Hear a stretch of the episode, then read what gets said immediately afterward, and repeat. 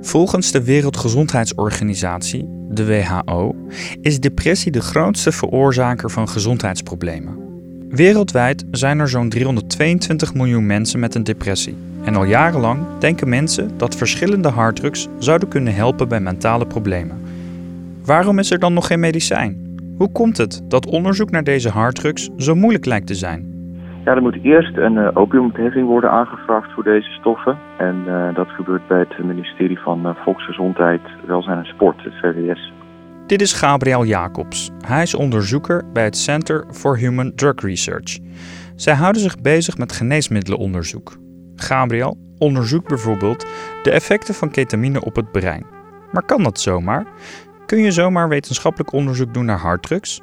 Nee, dat uh, is niet mogelijk. Onderzoek met uh, harddrugs en dus stoffen die op de opiatenlijst staan, zoals bijvoorbeeld MDMA, psilocybine en LSD, die vallen allemaal primair onder de wet uh, medisch wetenschappelijk onderzoek met mensen, oftewel de WMO. En dat betekent dat er een onderzoeksprotocol moet worden goedgekeurd door een medisch-ethische toezingscommissie voordat de onderzoek kan plaatsvinden met deze stoffen. Is de procedure om toestemming te krijgen uh, moeizamer dan bij andere stoffen naar stoffen die niet op de opiatenlijst staan? Ja, omdat het onderzoeksprotocol met middelen op de opiatenlijst uh, ingediend wordt bij de MWTC, maar daarvoor er moet onderzoek aantonen dat er een opiumontheffing is aangevraagd voor het doel van het onderzoek en voor het specifieke stofje. De beoordeling van die ontheffing bestaat onder andere uit de inspectie van de onderzoeksinstelling. Dus ja, dat, dat duurt langer. Je hebt dus als onderzoeker een opiumontheffing nodig om met harddrugs te mogen werken.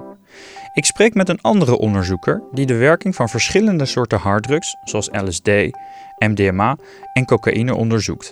Hoogleraar psychofarmacologie Jan Raamakers van de Maastricht University. Ook Jan moet zich houden aan de regels om met harddrugs te mogen werken.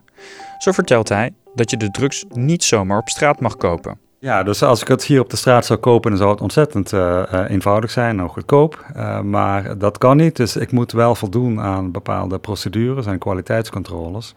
En dat betekent dan ook dat het ministerie een keer bij je op visite komt en kijkt naar de faciliteiten die je hebt, naar de plaats waar die middelen worden opgeslagen.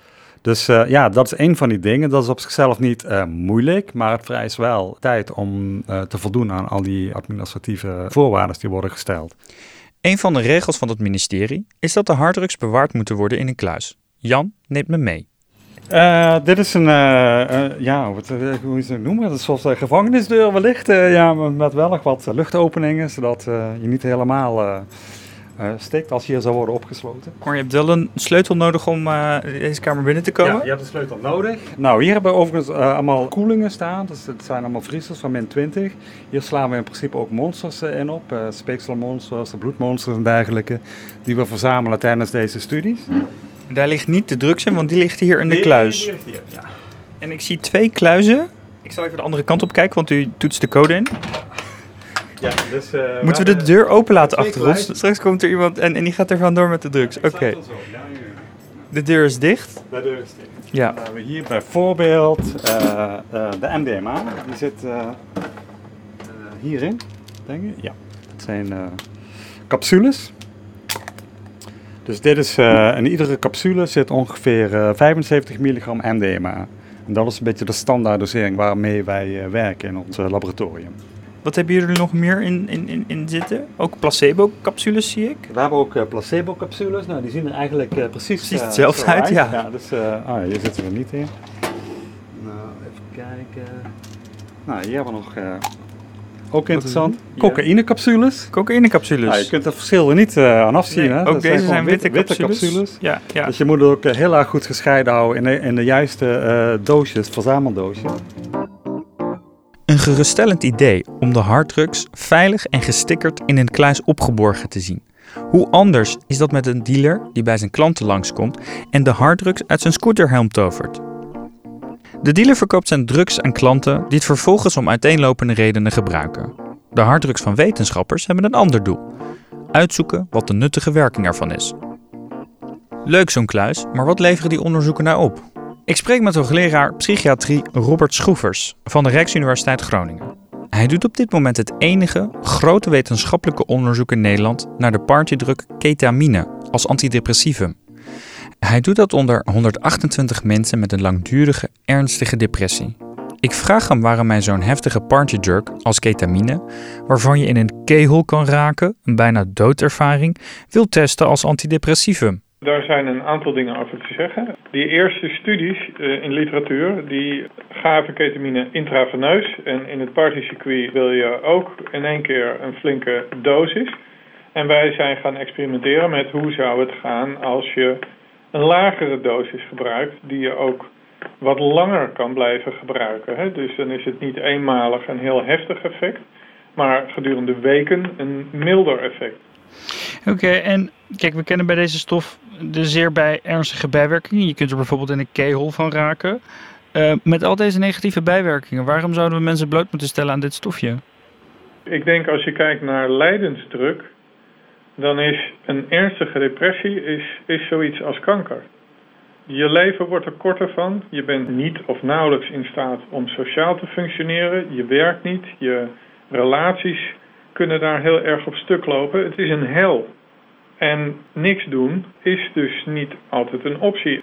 Dat is de ene kant. De andere kant is, want u stelt dat nou zo'n beetje van die keyhole. En er zijn mij geen studies bekend waarin ketamine netjes in een verantwoorde dosering is gegeven dan wel opgebouwd, waarin patiënten met een ernstige depressie in een kegel terecht zijn gekomen. Daarom besluit Robert om de mensen waarbij de ketamine werkte het toch aan te bieden als therapiemiddel. Ze noemen dat off-label voorschrijven. Dat is fase 2 van zijn onderzoek. Hij moet wel, want de partydruk ketamine is niet geregistreerd als antidepressivum. Ook Jan Raamakers in Maastricht doet onderzoek naar de positieve invloeden van harddrugs. In zijn geval gaat het niet om de medicinale werking ervan, zoals bij Robert, maar de invloed van microdosis LSD op creativiteit. Net als de ketamine van Robert bestaan de stofjes waar Jan mee experimenteert al meer dan 30 jaar. Hoe kan het toch dat we nu pas onderzoek doen naar de mogelijke nuttige werking van harddrugs? Volgens Jan hangt er een negatief stigma rond harddrugs. Er zijn natuurlijk ook uh, gevaren gekoppeld aan het gebruik van deze middelen.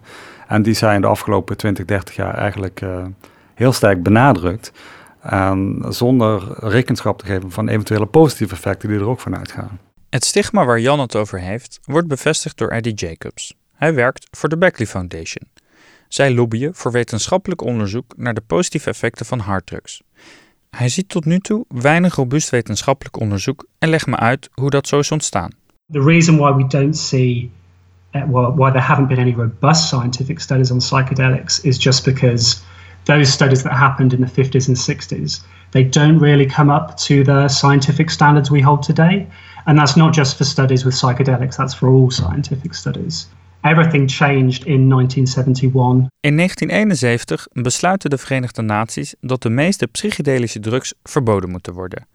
Bijna alle landen nemen dat verbod over. In Nederland noemen we dat nu de opiumlijst 1. This placed psychedelics into what's called Schedule 1, which is effectively declaring them to be a serious risk to public health with no recognized medical benefit and of a high risk of addiction. Vanaf dat moment staan de harddrugs bekend als gevaarlijk en de medicinale werking ontbreekt. Dat is jarenlang de status rondom harddrugs geweest. Beckley probeert dit te veranderen door kleine wetenschappelijke onderzoeken te financieren. Zo hopen ze de positieve effecten van harddrugs te bewijzen. Een van die effecten is het verminderen van depressieve klachten. Eddie vertelt me erover. Uh, we brought in 20 patients, uh, all of whom had failed in two types of psychotherapy and at least two types of um, pharmacology. They had two sessions with psilocybin. Uh, one week later, 67% of them were depression free they didn't just get a little bit better, they got so much better they didn't qualify as being depressed anymore. When was that? This was 2016.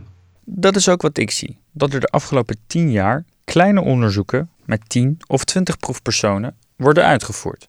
En dat is niet genoeg om zo'n partydruk als medicijn op de markt te brengen.